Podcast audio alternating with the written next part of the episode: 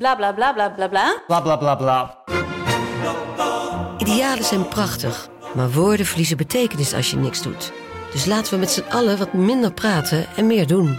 Bij Agmea zijn wij vast begonnen. Zo gaan wij voor minder verkeersslachtoffers, gezonde werknemers en duurzame woningen. Waar ga jij voor? Kijk op www.werkenbijagmea.nl Hoe werd het shirt van het onbeduidende Venetia FC een van de best verkochte voetbalshirts van de afgelopen jaren? Wat is er zo geniaal aan de MLS-deal van David Beckham? En waarom vinden we het normaal dat jeugdspelers gezien worden als investeringsobjecten? In de podcast Grof Geld onderzoek ik, Sam van Raalte, voetbaljournalist, samen met merkstratege Per van der Brink de macht van geld in de voetbalwereld. Wat gaat er schuil achter de wereld van sport en glamour? En wie profiteert er? Luister naar Grof Geld en hoor hoe de Skybox de staantribune beïnvloedt.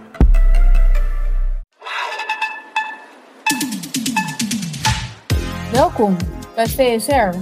Voorheen Schaamteloos van Stelen. Een podcast over alles wat je wel bent, maar niet wil zijn. Mijn naam is Dorke Smithuizen en tegenover me, zij het op een scherm, zit Perre van der Brink. En zoals iedere week houden wij onze luisteraars een spiegel voor. En onderzoeken we de paradoxale relaties met de systemen om ons heen. Ja, er was een tijd dat ze over idealen gingen. Dat je aanwezigheid alleen al een anti-establishment statement was. Maar tegenwoordig zijn er honderden per jaar en lijken ze op iedere straathoek van ons land plaats te vinden. Festivals. We zijn koud terug van onze mini-break. En we zijn het eigenlijk nu alweer oneens. Want zijn festivals een kapitalistisch construct om de middenklasse de mond te snoeren? Of niet? We gaan het erover hebben. Maar eerst de actualiteit.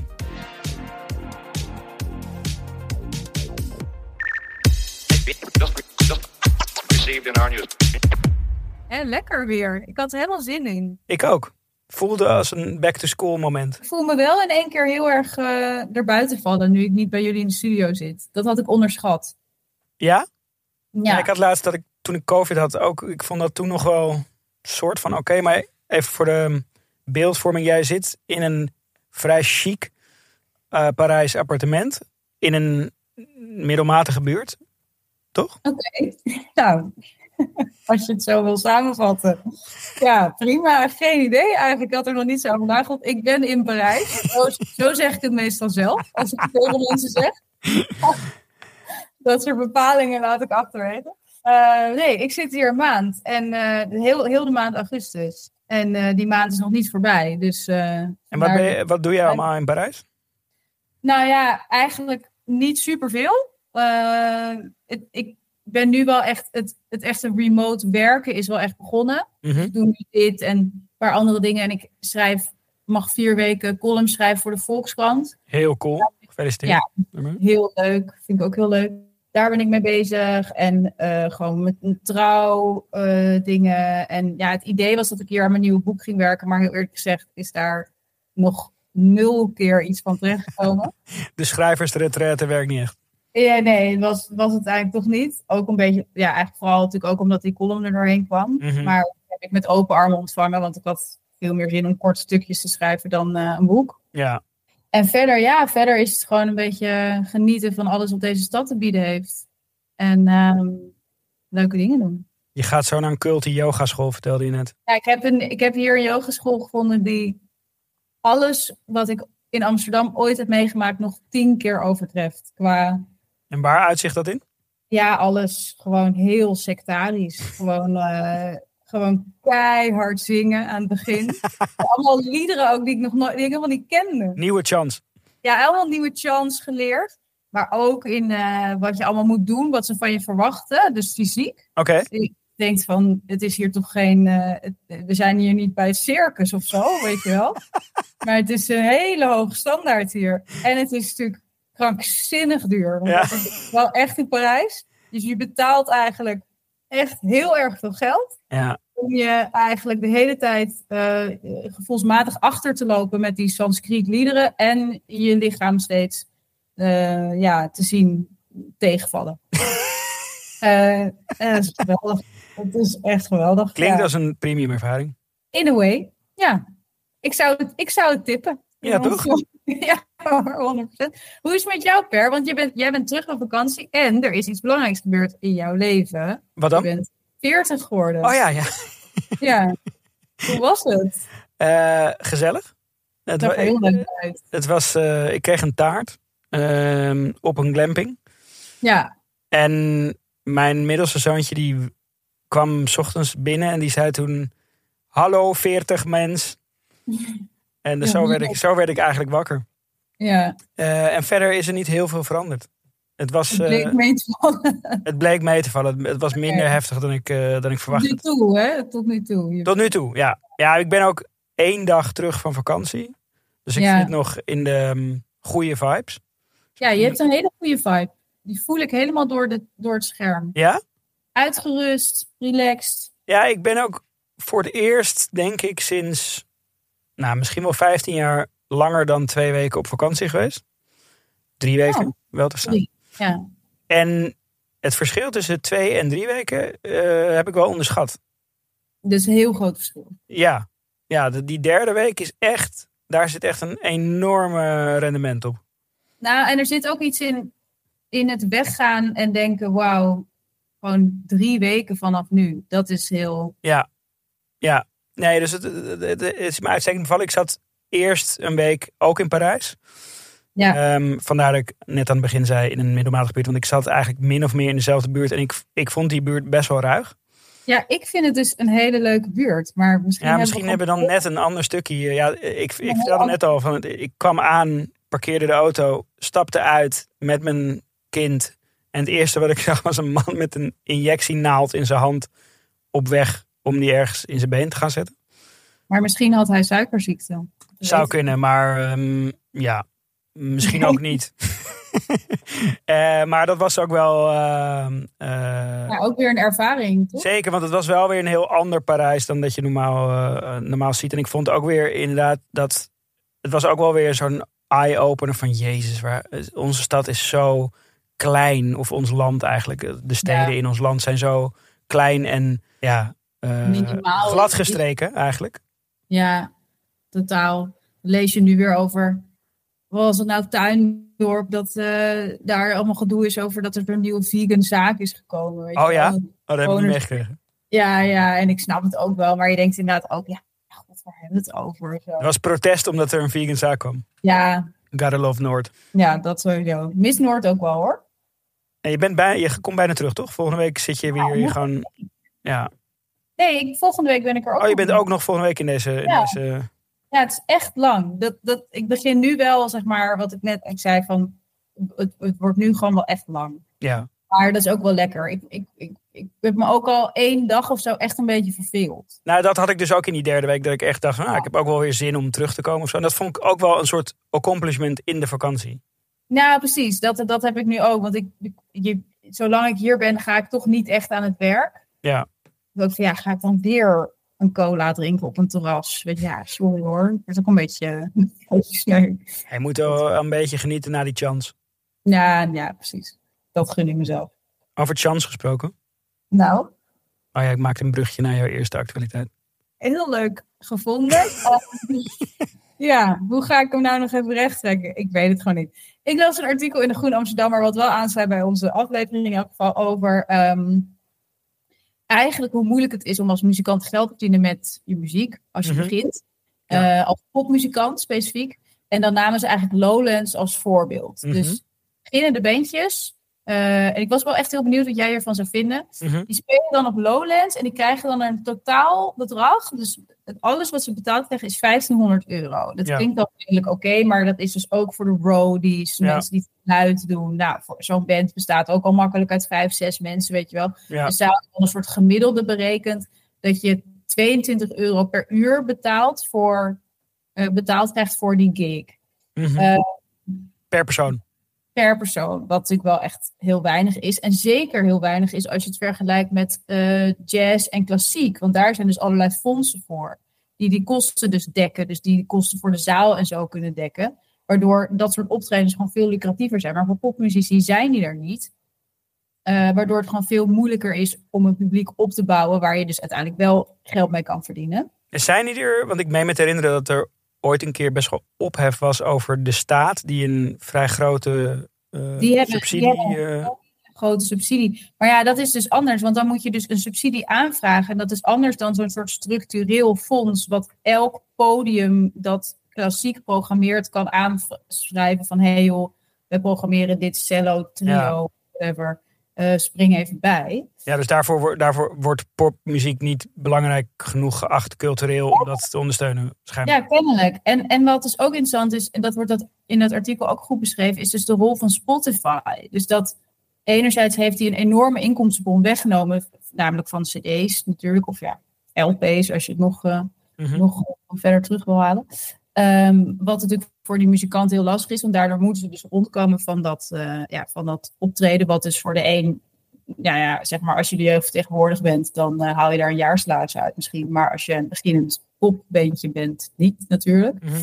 Eh, maar anderzijds is het dus ook wel weer heel winstgevend voor een aantal Nederlandse popacts, omdat je dus internationaal een heel groot streamingpubliek kan bereiken in één keer. Dus zij noemen dan bijvoorbeeld die Benny Sings. Ja.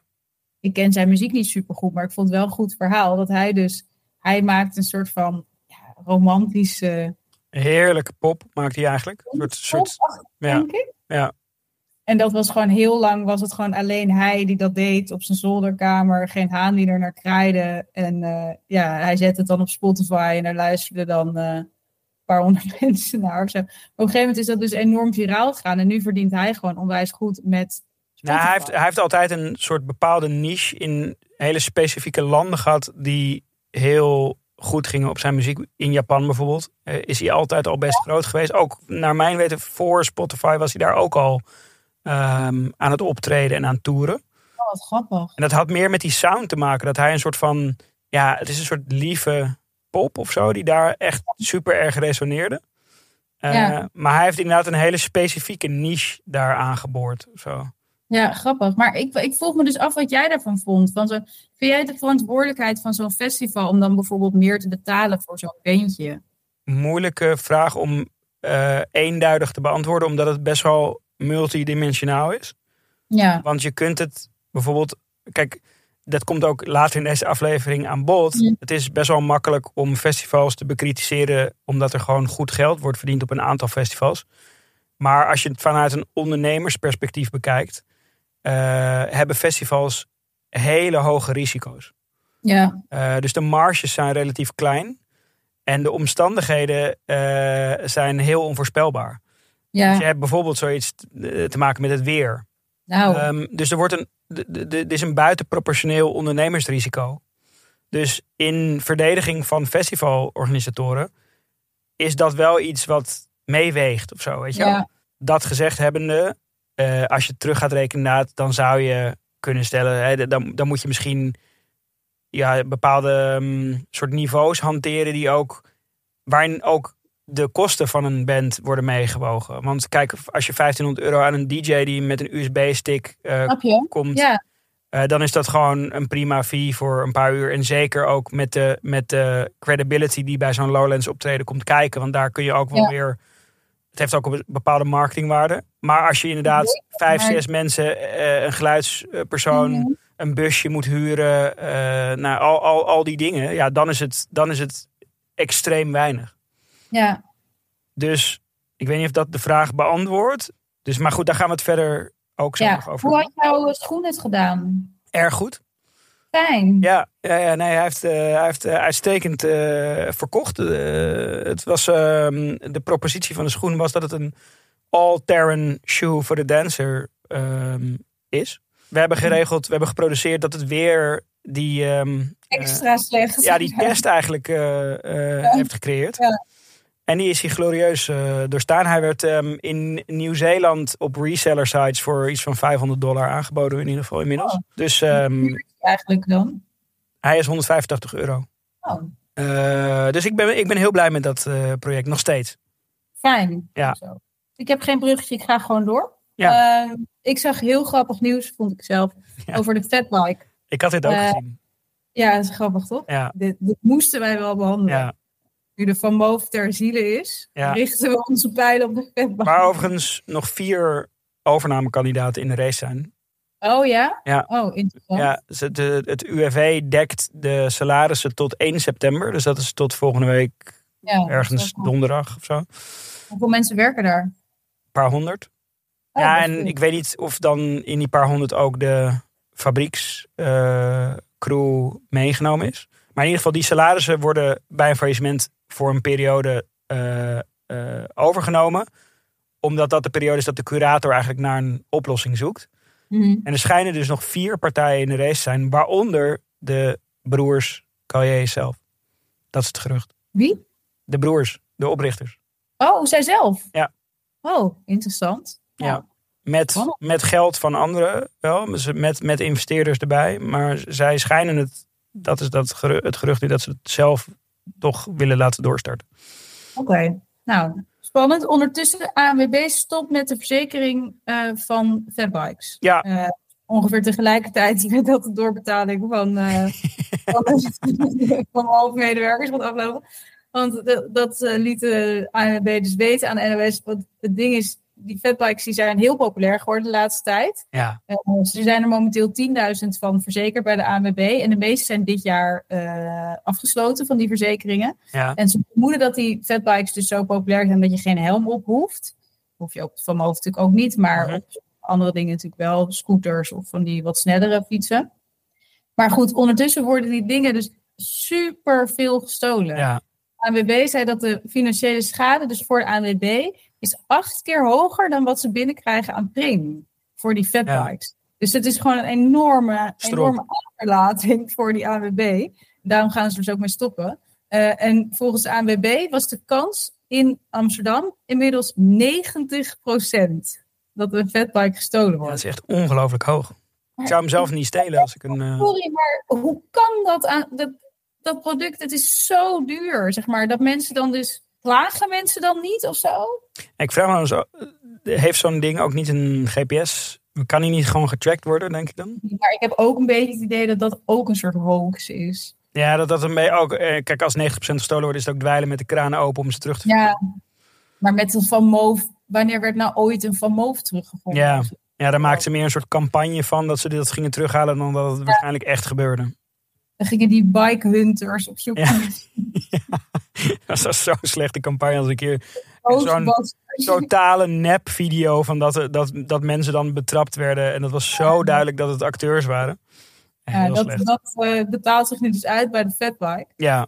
Ehm, ja, echt een dus- bizar percentage. Dus ik ben heel benieuwd. Dus nu, nu, eh, ja, nu zijn die fatbikes vogelvrij. Eigenlijk. Ja. Of, eh, Ja. Over een maand of zo. Ik las ook iets ehm, interessants in een, ehm, in een nieuwsbrief ehm, van eh, Bob Lefsetz. Dat is een beetje een soort Amerikaanse entertainment slash muziek critic. En nou, wij hebben het hier ook best wel vaak over, over cultmerken of cultbedrijven of culti gemeenschappen. En eh, deze man die die eh, eh, verstuurde zijn nieuwsbrief en die de titel was Welcome to the Cult Era. En eh, daarin schrijft hij eigenlijk een betoog dat we in het tijdperk van de cult zitten.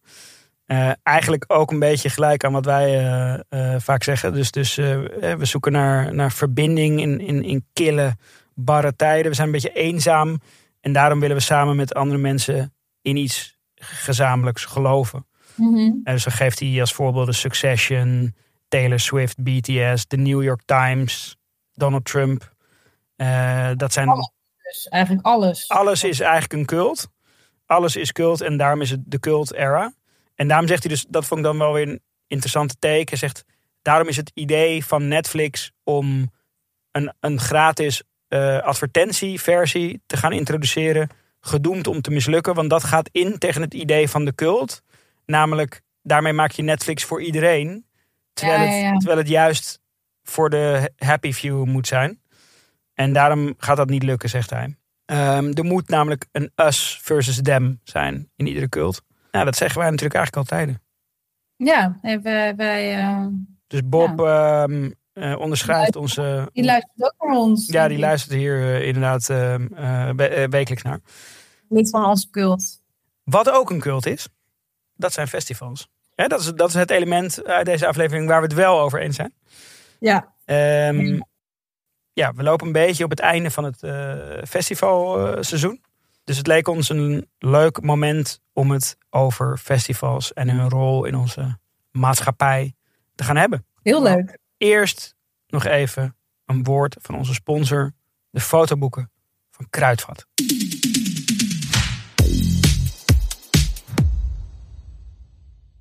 Weet je, wij, ik kom net van vakantie, jij bent op een quasi-werkvakantie. Workation. We maken allebei, denk ik, tijdens die vakantie ongelooflijk veel foto's op onze Mhm. telefoons. Ehm, heb jij ook de hele tijd angst dat die foto's weggaan? Ondanks dat je, ik heb echt iets van acht iCloud abonnementen bij Google en Apple en overal. Maar toch denk ik iedere dag van die foto's kunnen ook verdwijnen. Ik heb dus ook al sinds ik kinderen heb, dus dat is nu bijna acht jaar, staat eigenlijk best wel hoog op het lijstje om een keer een fotoboek te maken van al die losse snaps. Dus Heb je dat nog nooit gedaan? Nee, dat heb ik dus nog nooit gedaan. En bij, bij ieder kind herhaalt ze: Oh jezus, we moeten dat echt doen. En we hebben het dus gewoon nog geen één keer gedaan. Ehm, en nu, hè, deze sponsorship die we ehm, eh, hebben gekregen van Kruidvat, is de ultieme gelegenheid om dat te, eh, te doen. Dus dat Ja, ben ik gaan doen. Gebeuren. Ik ben gisteravond begonnen. Eigenlijk vrijwel direct toen ik terugkwam van, van vakantie. Ik heb één fa- allerfavoriete vakantiefoto. En mijn vriendin die maakt altijd op Instagram hele goede soort vakantie... of ja, überhaupt verslagen van dingen met eh, bijschriften. En dan eh, vraagt ze zich altijd af of het niet te perfect is... en of er een soort disclaimer bij moet. Dat, het, dat er ook een heleboel kutte dingen tussen al deze momenten doorgebeurden. Eigenlijk is het antwoord daar natuurlijk ja op. Mhm. Ehm, en ik heb één foto gemaakt van een prachtige situatie tijdens onze vakantie. En dat was dat mijn ene zoon, mijn andere zoon, eh, probeerde in het gezicht te schoppen. Op straat in Parijs. En mijn vriendin heeft ze allebei aan hun hand vast. En kijkt met een soort heel gepijnigd gezicht. Probeert ze die twee uit elkaar te houden. En dat was eigenlijk mijn allerfavoriete vakantiefoto. Dus ik dacht, hoe leuk als we die eigenlijk centraal stellen in dat, ehm, in dat fotoboek. Je kan op de cover van het Kruidvat fotoboek wat je gaat maken. Precies. Het is dus heel makkelijk om dat te doen. Het is een soort drag-and-drop-achtig systeem eigenlijk. Ehm, en bij Kruidvat kun je dus heel gemakkelijk online en voor best wel een voordelige prijs een fotoboek maken. Waarbij je voor altijd van die ongelofelijke cloud-stress die ik eh, ervaar af bent. Eh, en daarvoor ga je naar kruidvat.nl slash designboek. En met de code VSR30 met hoofdletters VSR krijg je nu 30% korting op de Kruidvat merk fotoboeken.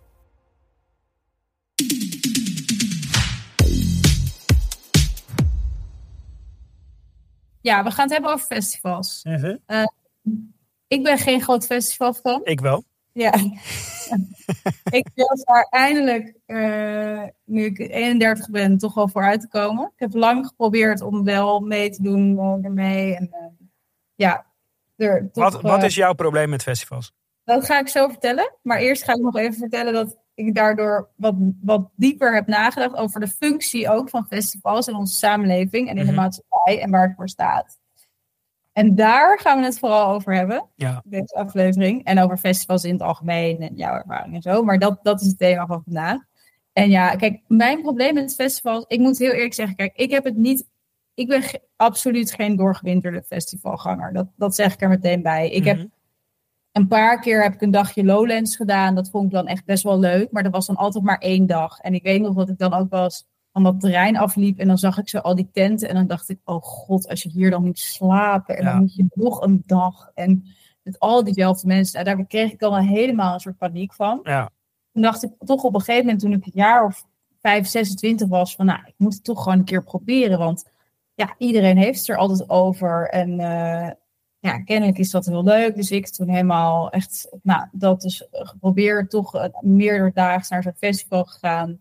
Zo'n tent van de Decathlon en zo. Mhm. En uh, ja, ik, ik, het was gewoon geen succes. Ik heb Nee. echt leuke momenten gehad. Ik heb, het echt, ik heb echt lol gehad. Maar overal dacht ik, ik snap niet wat mensen hier zo orgastisch leuk aan vinden. Mhm. En wat, het vooral, wat ik er vooral heel moeilijk van vond, is dus de groepsdruk. Ja. Voor mijn gevoel loop je gewoon op zo'n festival alleen maar van de ene kant naar de andere kant van het terrein. Van de ene kant, eh, van de ene vriendengroep eigenlijk naar de andere vriendengroep. De hele tijd aan het navigeren. En mensen worden ook echt boos als je bijvoorbeeld niet laat weten waar je bent. Of als je niet op een bepaalde moment op een bepaalde plek bent. Ik vond het dus eigenlijk, terwijl het dus een soort imago had van, oh, het is een soort vrijheid en, en uh, we gaan helemaal los, vond ik het super beklemmend. En ik vond het ook heel erg aangeharkt. Ik vond het heel heftig hoe iedereen daar zo met een soort plan van dan gaan we naar Nicolaas Jaar, dan gaan we naar Tom Leach, dan gaan we naar DJ, dan gaan we naar dat. Op dat moment nemen we die pil, weet je wel. Het was allemaal zo tak, tak, tak, allemaal zo achter elkaar gepland. Nou, daar werd ik ontzettend benauwd van.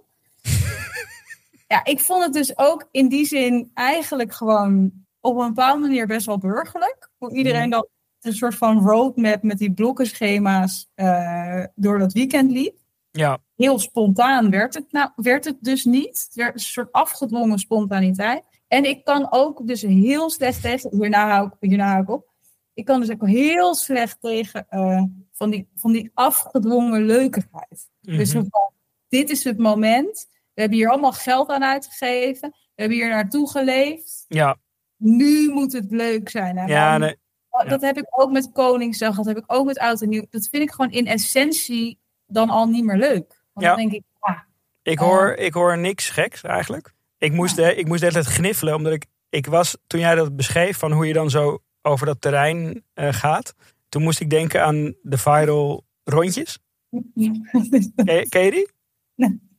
Dat is, een, dat is een fragment van een ehm, eh, Tom van Rooyen. Eh, die had vroeger een, een, een programma op AT5. Eh, je- weet je wie hij is? nee. Nou, hij, hij, eh, hij is de ex-man van Helene van Rooyen. Oh, die doet. Ja, Ja. ja, ja. Eh, en hij, had een, ehm, eh, hij was een reportage aan het maken op een gabberfeest. ja. En dan gaat hij dus een, een gabber interviewen die echt mega uit zijn reet is. ja. Eh, en dan eh, vraagt hij dus van, ja, maar, maar wat doe je nou op zo'n avond? ja. Ja, ik ga nu wel in de val trappen dat ik een viral ga nadoen. Je gaat wel gabber nadoen nu. Maar dan, dan zegt hij dus, ja, ik loop alleen maar rondjes. Wat doe jij op zo'n feest nou de hele tijd? Ik loop de hele avond loop ik rondjes. En ik eh, loop rondjes. Ik loop alleen maar rondjes. Kom iedereen tegen. We blijven rondjes lopen, elk rondje is anders. Urenlang loop jij rondjes. Ik loop urenlang rondjes. En eigenlijk hoe jij dat beschreef, dacht ik van, Ja, maar dit misschien... klinkt wel alsof deze guy zich, zich er helemaal bij kon neerleggen. Dat dat zijn festivalervaring Jij had met rondjes naar een festival moeten gaan en niet met die eh megaplanners. Want op zich ben ik namelijk, ik hou best wel van hondjes. Ik bedoel, I love hondjes eigenlijk. Ik, ik, eh, ook hier in Parijs, weet je. Ik denk dan eh, ook, ga elke dag een ander rondje hardlopen.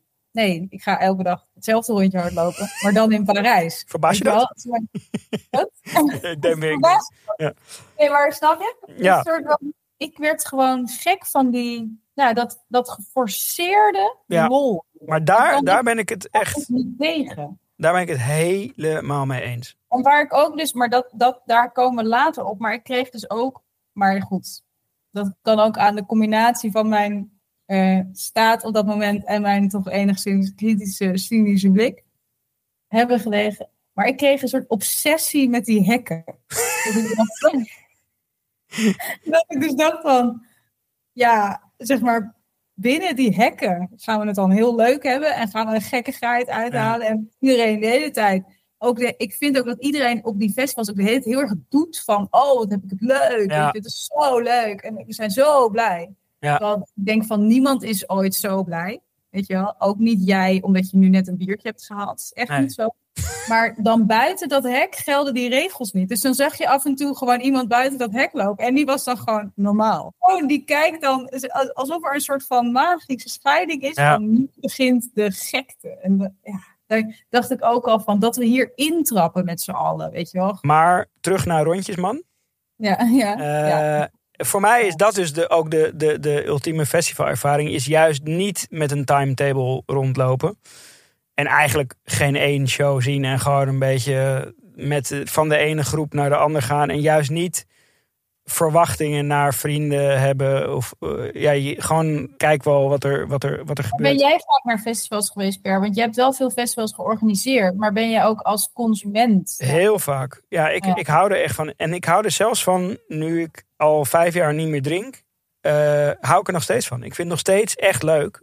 Het is, ik bedoel, mijn festivalervaring is wel echt heel erg veranderd.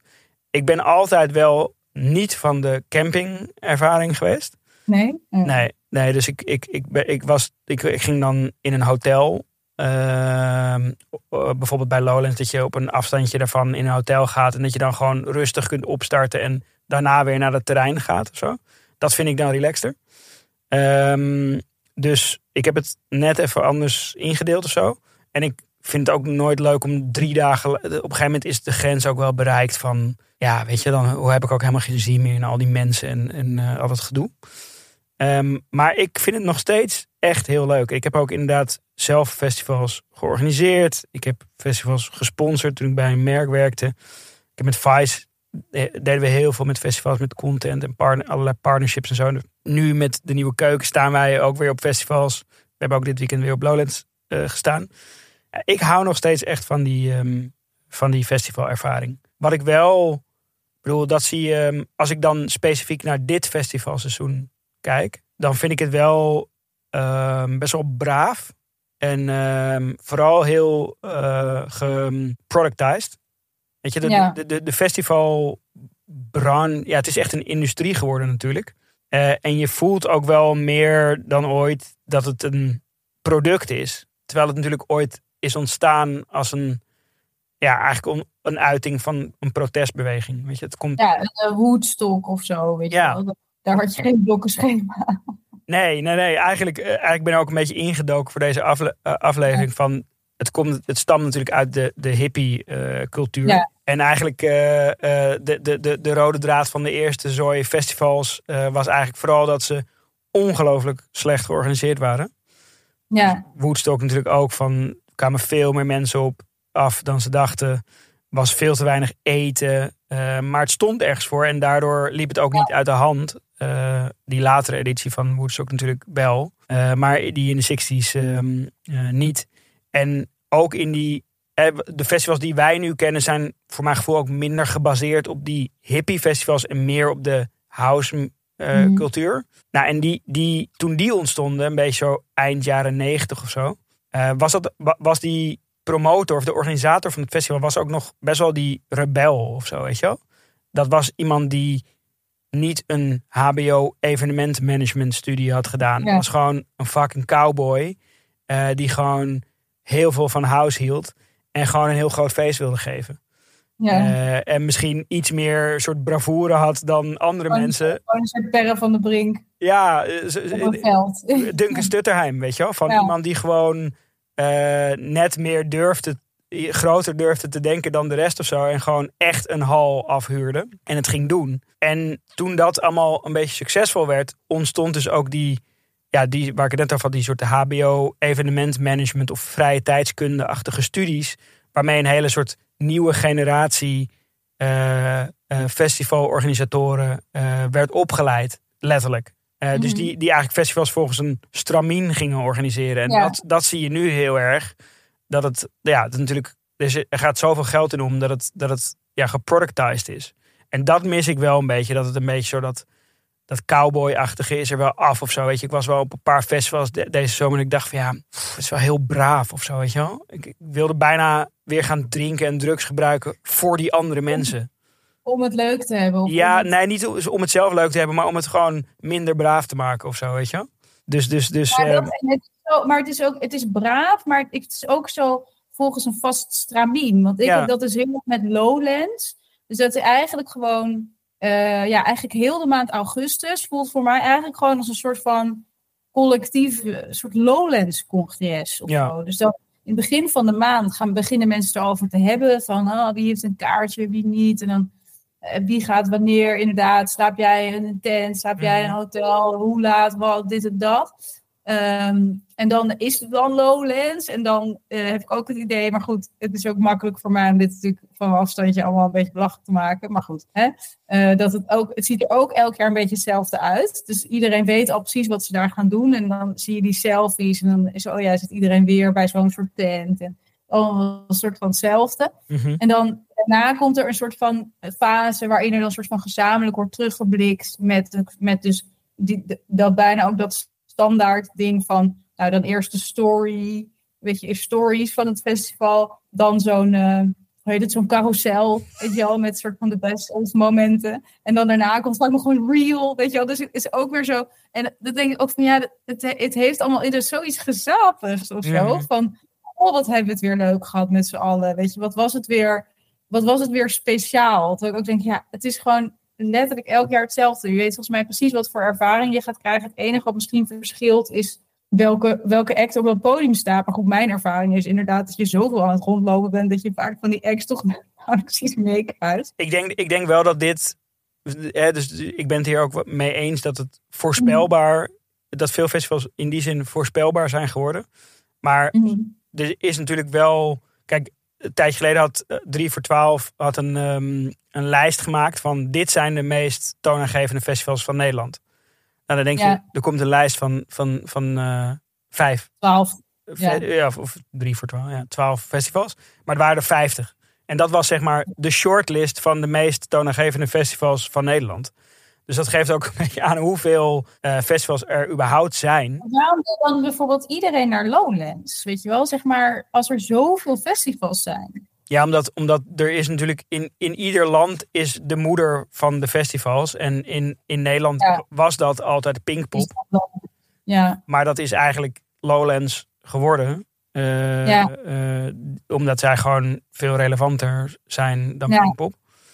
Ehm, nou ja, het fascineert mij dus enorm van waarom moet iedereen daar nou zijn? Waarom moet iedereen het ook zo laten zien? Weet je wel, dat er is geweest. En ik denk dus dat volgens mij een belangrijk unique selling point van het festival eigenlijk dus is, waar, waar wij ons allebei een beetje aan ergeren, is dus die planbaarheid. mhm. Het is een vorm van escapisme die heel behapbaar is. Je gaat er vrijdag heen, je gaat zondag terug of maandag als je echt eh, het een beetje gek hebt gemaakt. Mhm. Is dat blokkenschema, weet je wel? Dus jouw zuur verdiende vrije tijd kan je heel minutieus zeg maar inplannen van dan ben ik daar, dan ben ik daar. Dan neem ik mijn eerste pilletje, weet je wel. Je weet precies wat je gaat krijgen. Dus het, het is een soort van ultiem planbaar eh, geheel geworden Mhm. en een soort, soort, soort losgaan binnen de kaders. Dus dan, dan denk ik ook weer aan die hekken, weet je wel. Zo van, het is Mhm. een soort van gaan binnen, maar je bent wel maandag weer op je werk, weet je wel. De, de- er, zit iets, er zit iets efficiënts ook in.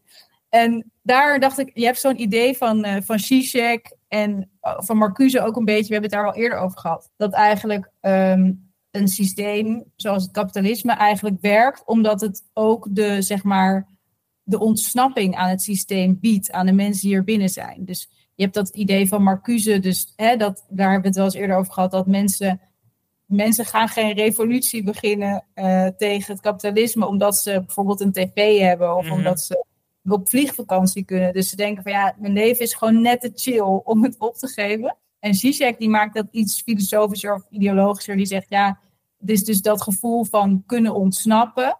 Dus van even los kunnen breken, zeg maar, uit het systeem. Dat zit vaak in het systeem. Dus zit, wordt aangeboden door hetzelfde ja, systeem.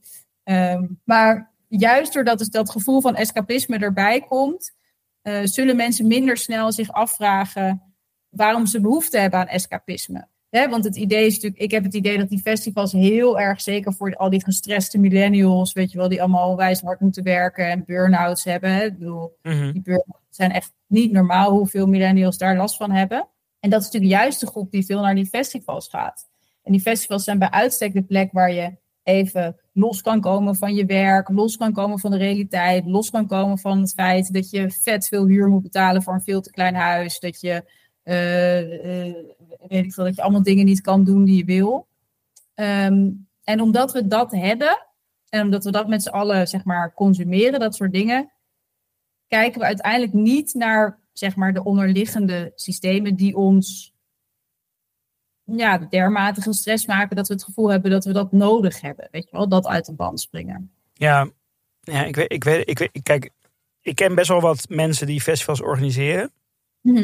Ik kan wel met een aan zekerheid grenzende waarschijnlijkheid stellen dat geen van die mensen hun festival hebben opgezet als een soort van construct om dat te bieden aan mensen die eigenlijk. Oh, nee, maar ik denk dus ook helemaal niet dat dat zo is. Hè? Nee, nee, nee. Dus, dus dat is Ik natuurlijk. veel meer in een soort breder perspectief. Dat ik denk, we hebben gewoon een samenleving die zeg maar bovenmatig gestrest en ongelukkig is. En die dit soort dingen dus aangrijpt om daar even aan te ontsnappen. En volgens mij staat dat helemaal los van eh, waarom mensen festivals organiseren. Want ik denk echt niet dat er een festivalorganisator is, nou misschien Ja, misschien wel, maar eh, die denkt van eh, ik ga eens even eh, profiteren van de burn-outs of zo. Dat denk ik echt niet. Nee, maar, maar vind je het dan, want zeg maar die, die, die wens om even te ontsnappen aan je dagelijks leven. Ik bedoel, als, als ik terugkijk naar mijn eerste festivals. ehm, volgens mij was de eerste keer dat ik naar een groot festival ging in 2000 of zo. Ja, toen deed ik dat ook om aan mijn alledaagse sleur te ontsnappen of zo. Weet je? Van dat, Ja. dat is toch ook niet per se iets van deze tijd? Nee, nee, nee, maar ik denk, ik, ik heb zelf, ik heb in de comments bij die, daarbij gezet, toen was de wereld ook al tering neoliberaal. Maar goed, eh, meer breder te zeggen van, nee, ik denk ook niet dat het per se iets van deze tijd is. Ik denk dat, dat, dat dit nu heel erg de vorm is waarin dat gebeurt. En eerder waren daar andere vormen van. Maar ik denk wel dat dat Maar is dat, dan een, is dat dan een disqualificatie van de Nee, ja, het is een beetje hetzelfde gesprek als wat we hadden over mindfulness en zo. Zo van, ik denk dat het dan nog steeds wel kan bestaan, maar ik denk dat het wel zinnig is om eh, daar ook rekenschap van af te leggen. Maar op wat voor manier dan? Dus wat moet je, wat moet, eh, wat zeg maar, oké, weet je, eh, ik, ik begrijp ook van wat ik zeg van, nat- natuurlijk inderdaad is het niet een soort bewust, bewuste propositie voor festivalorganisatoren om dat doe- doekje voor het bloeden te bieden voor mensen die over stress zijn. Weet je, de, de meeste van die mensen houden gewoon heel veel van muziek en willen gewoon dat delen. Ja. Oké, dus dan hebben we het nu over deze soort realisatie. Beetje in de categorie, je haat geen maandag, je haat kapitalisme, toch? Ja. Wat moet je daar dan mee? Nou ja, ja, god, wat moet je ermee? Dat kan je natuurlijk bij bijna alles wat ik doe eh je wel. Gewoon. Dankjewel. Nee, maar Ja. het is, ik bedoel het niet als een soort van sneervraag, maar echt een oprechte vraag van, ja, oké, Ja, ja. en dan? Kijk, mij helpen dit soort ideeën om gewoon de samenleving beter te begrijpen. En bijvoorbeeld zoiets massaals als festivals of zoiets massaals als eh, mindfulness. Dat dat, in, dat dat in korte tijd zo populair is geworden. Ik geloof gewoon niet dat dat alleen enkel puur is. Vraag is. Ja, Ja. dat mensen alleen maar ineens collectief meer in mindfulness geïnteresseerd zijn. Nee, daar spelen gewoon meerdere maatschappelijke verschuivingen en Ja. gevoelens en sentimenten. En dat is denk ik bij festivals net zo. En dat wil helemaal niet zeggen dat, dat mensen niet allemaal, eh, dat die, die, die honderdduizend mensen die naar festivals gaan, zomaar allemaal niet een oprecht superleuke tijd kunnen hebben. Dat denk ik heus. Maar ik vind het zelf gewoon interessant om te zien hoe de samenleving steeds ook weer problemen zelf weer oplost, weet je wel? Met wat er dan kan binnen dat kader. Dus er is een gevoel van onbehagen Mhm. en dat wordt opgelost op een bepaalde manier. Of het nou festivals zijn of mindfulness of andere dingen. Ja, En nogmaals, ik maak die dingen niet minder waardevol, maar ik vind het wel interessant om het in dat kader te begrijpen. En ja, wat je daaraan hebt, ja, als je dat soort, dat soort vragen te veel gaat stellen, dan. eh, nee, maar dit is, al, dit is toch al een antwoord op die vraag? Ja, nou ja, mij, mij, ik vind dat Ja, zelf. je- jij zegt van, het helpt mij om de samenleving beter te begrijpen. En dan denk ik, ja, oké, fair enough. Ik leer er ook weer van.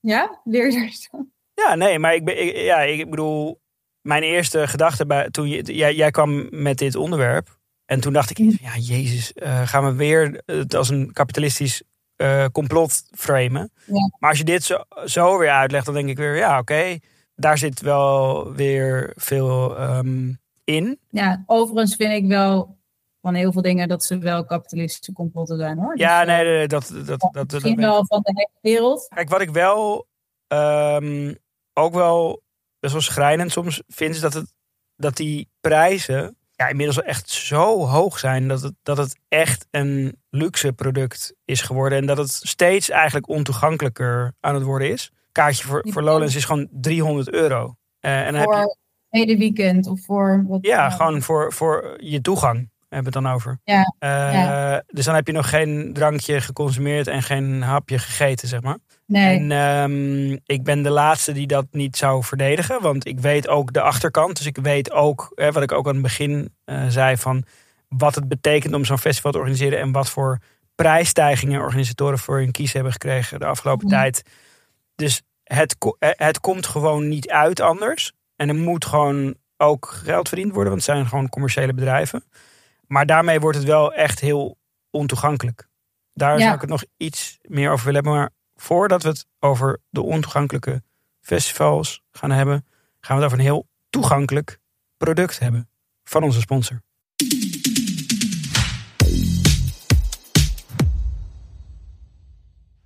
Ja, want we hebben natuurlijk nog steeds onze hele leuke en gezonde sponsor in de vorm van de maaltijdboxen van Green Chef.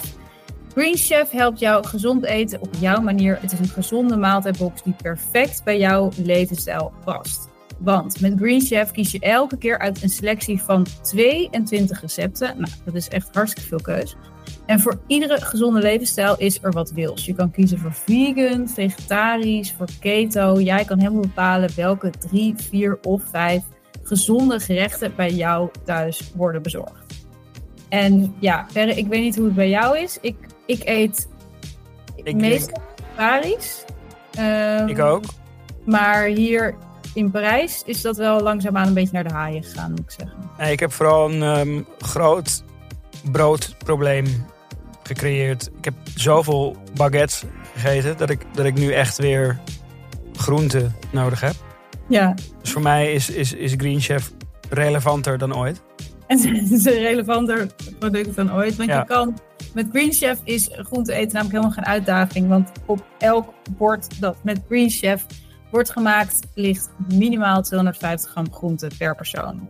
Nou mensen, hoe makkelijk is dat? Ook gezond, met tot wel 90 euro korting op je eerste vier boxen met de geweldige en ook unieke kortingscode Chef Schaamteloos. Allemaal hoofdletters, Chef Schaamteloos aan elkaar. Kan niet misgaan.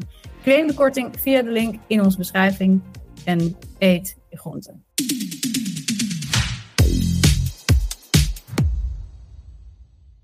Ja, we zeiden het net al. Een kaartje Lowlands kostte 300 euro. Ja, en, maar en vooral op zo'n festival, toch geef je waanzinnig veel geld uit. Je had die hele grappige, eh, dat hele grappige bericht van een speld, had je die gezien van man geeft per ongeluk miljoen uit op festival. dat hij alles in muntjes had betaald. Oh, ja, ja, ja. ja. Dat was ook een opvallend artikel op de NOS dat ehm, eigenlijk alleen de grote establishment festivals nog in muntjes doen. En dat de meer independent festivals de pinbetaling allemaal hebben omarmd. Dus daar zat een heel groot verschil tussen. zou voor mij ook echt een reden zijn om, om naar een minder established festival te gaan. Ja, En die muntjes echt zo'n kriem. ja. ja, zij hadden dan als argument dat ehm, een storing echt funest is. Als je, dat- Ja. Er was een festival dus deze zomer die een pinstoring hadden. En die eh, waren echt gewoon helemaal fucked. Die, die Ja. konden gewoon, ja, die konden gewoon niks meer. Geld verdienen, ja. Ja, dus dat, dat is op zich dan wel een argument. Maar je geeft natuurlijk veel meer geld uit met muntjes Ja. dan dat je eh, met pin doet. Eh, maar vriend van de show, Roel Maaldrink, eh, die had een heel grappig filmpje gemaakt. Heb je het voorbij zien komen? Dat- Gezien, nee. het is een persiflage van, van, van Nieuwsuur. waarop hij rondloopt op het Lowlands terrein. En eigenlijk de, de, de, de soort perfecte, serene wereld van de Lowlands glamping. Mhm. Ehm, eigenlijk tegenover de rauwe werkelijkheid van camping 4. Dat is de camping richting het, de meest richting het terrein camping die er is.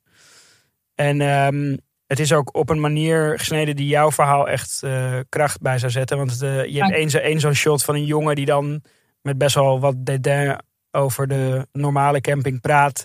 En dat is dan van achter het hek geschoten. Dus hij is volgens mij een meloen aan het eten of, of zo. En, dat, en, en ze filmen van achter het hek. Dus je ziet hem achter een hek sta- eh, praten over die, die fijne wereld van de glamping. Terwijl ze aan de andere kant van het hek staan. Oh ja, dat klinkt als iets voor mij. Ja, het, het, het, het is natuurlijk een geintje, maar het is wel ook wel een beetje wat het is geworden. Toch een, een festival, zo'n groot festival helemaal, is natuurlijk eigenlijk gewoon een soort tijdelijke stad. Eh, eh, maar en met-. En met alles wat daarbij hoort. Dat ik durf het bijna niet te zeggen, maar ik vind festivals dus best wel burgerlijk Mhm. eigenlijk. Gewoon in de zin van dat het allemaal zo georganiseerd is. En ja, jij zei het ook al van het heeft gewoon iets heel braafs. Ja. Nee, het is echt een, een samenleving met dus de bijbehorende soort inkomensverschillen of zo geworden, toch? Van, Ja. Je hebt ook Dat, maar ook de faciliteiten, toch? Ja, het, het- festival Tomorrowland ken je vast wel. Eh, is denk ik met recht jouw nachtmerrie te noemen. Ja. Eh, enorm elektronisch muziekfestival in de, ja, de uber mainstream categorie. ja. Zeg maar meer mainstream elektronische muziek dan Tomorrowland wordt het niet. Ik vind dat een fantastisch festival, omdat het, ja, het is gewoon Las Vegas stijl entertainment, zeg maar. Mhm. De, de, de mm, decors die daar uit de, de grond worden gestampt, het is gewoon niet normaal. Als je dat hoofdpodium van dit jaar ziet, dat ziet er gewoon echt uit als eh, Disneyland. ja, ik zag het, ja. Ehm, maar die hebben dan een, een, een VIP-deck. Dat ja, gewoon een, een, een, een, een formaat gebouw wat Rem Koolhaas zou, zou ontwerpen, zo'n beetje. En, en dan een gym op het terrein of zo. Weet je ja dat zag ik. Dat, dat vind ik echt gestoord. Ja, het wordt, er wordt een hele stad uit de, uit de, uit de grond Ja, dat, dat, dat onderschrijft wel weer mijn theorie. Dat mensen dus kennelijk op zo'n festival toch hun gymroutine nog niet eh, een weekend los kunnen laten. Ja. Ja, dus Maar ik zat te denken, want ik zat hier naar te kijken en toen bedacht ik me net, ik ben wel een keer, vorig jaar ben ik wel op één festival geweest wat ik wel leuk vind, namelijk ehm Landjuweel op Ruigoord. Ja. Daar ben ik toen een dag geweest en dat, was, dat vond ik eigenlijk heel leuk, want daar, dat was eigenlijk, eigenlijk helemaal niet hip. Het mhm. was echt, alles kwam daar samen. Het was ook eigenlijk, ja, het was gewoon heel slecht georganiseerd eigenlijk. Dus vaak was het heel onduidelijk wie waar ging optreden. Eh, niets begon ook op tijd, weet je. Het was Ja. gewoon van gek. En dan gingen we naar een band en die begon gewoon anderhalf uur te laat, weet je wel. Dus ja, ja. een beetje daar te wachten. Maar dat, dat maakt het voor mij juist leuk, omdat dan kan ik me overgeven aan zo'n situatie. Als ik denk van ja, prima, we, we- we wachten even, boeit niet. In plaats van zo'n ja, zo'n soort links-voor gevoel, weet je wel? Wat dan de hele tijd... Iedereen elkaar hele tijd app links voor. Weet je wel. ja, is Landjuweel wel echt het exacte tegenovergestelde daarvan. Ja, want dan ben je al van dat, dat links-rechts. Dat is gewoon heel onduidelijk waar alles begint.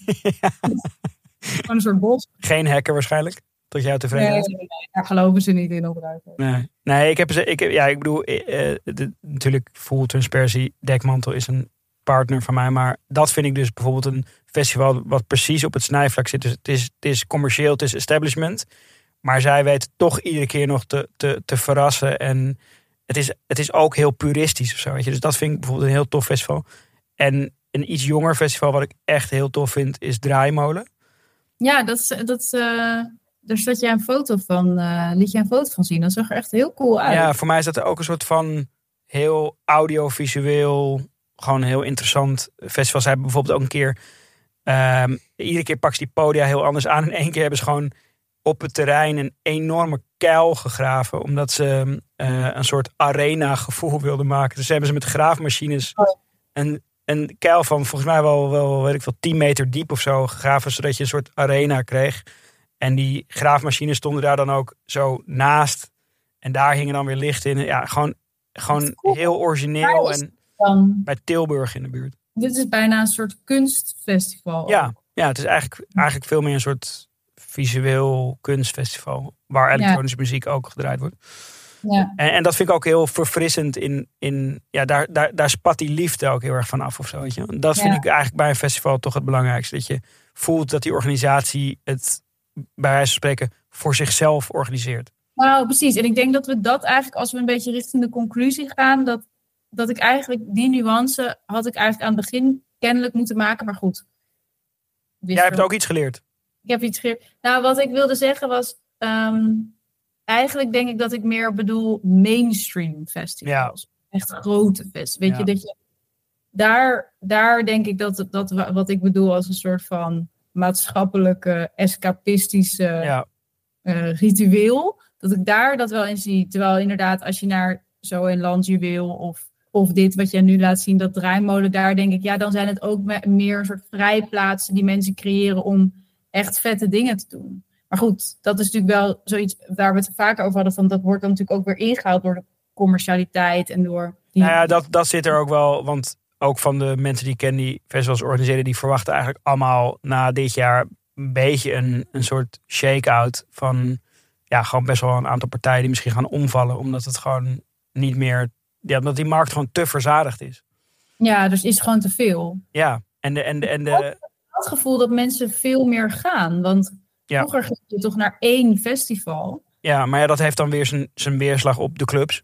Weet je, die, die zijn dan eigenlijk de, de zomer. Ja, je kan eigenlijk net zo goed je, je club dicht doen in de zomer. Want ja, ja, je kan afters van festivals organiseren. Maar Ja. ja eh, als je een grote club hebt. Dat is zo lekker hier in Parijs. Alles gaat om twee uur dicht. Ja, ideaal Zo. is dat, hè? Ja, Ik vind dat, dat, hele, dat hele late uitgaan vind ik ook niks. dan ben ik dus toch een beetje een festivalganger. Rondjes. Ik hou van, nee, ik hou van overzichtelijkheid. Dat ik weet van, het is hier tot twee uur en daarna mag je naar huis. Toch die timetable. Ja, toch eigenlijk stiekem toch dat, dat kapitalistische timetable geïnternaliseerd. Maar binnen de timetable alleen maar rondjes. Ieder rondje is anders. We waren het toch Leuk, eigenlijk meer eens dan, we, dan ik Zoals altijd, Ja. zoals altijd. Wanneer zijn we het nou eens een keer roerend oneens? Ja, misschien volgende week. Blijf luisteren. Waar gaan we het over hebben? Weet je het al? Wat was Nee, daar gaan we lekker over ruzie maken. Ja. Precies. Tot volgende week. Tot volgende week. Doei.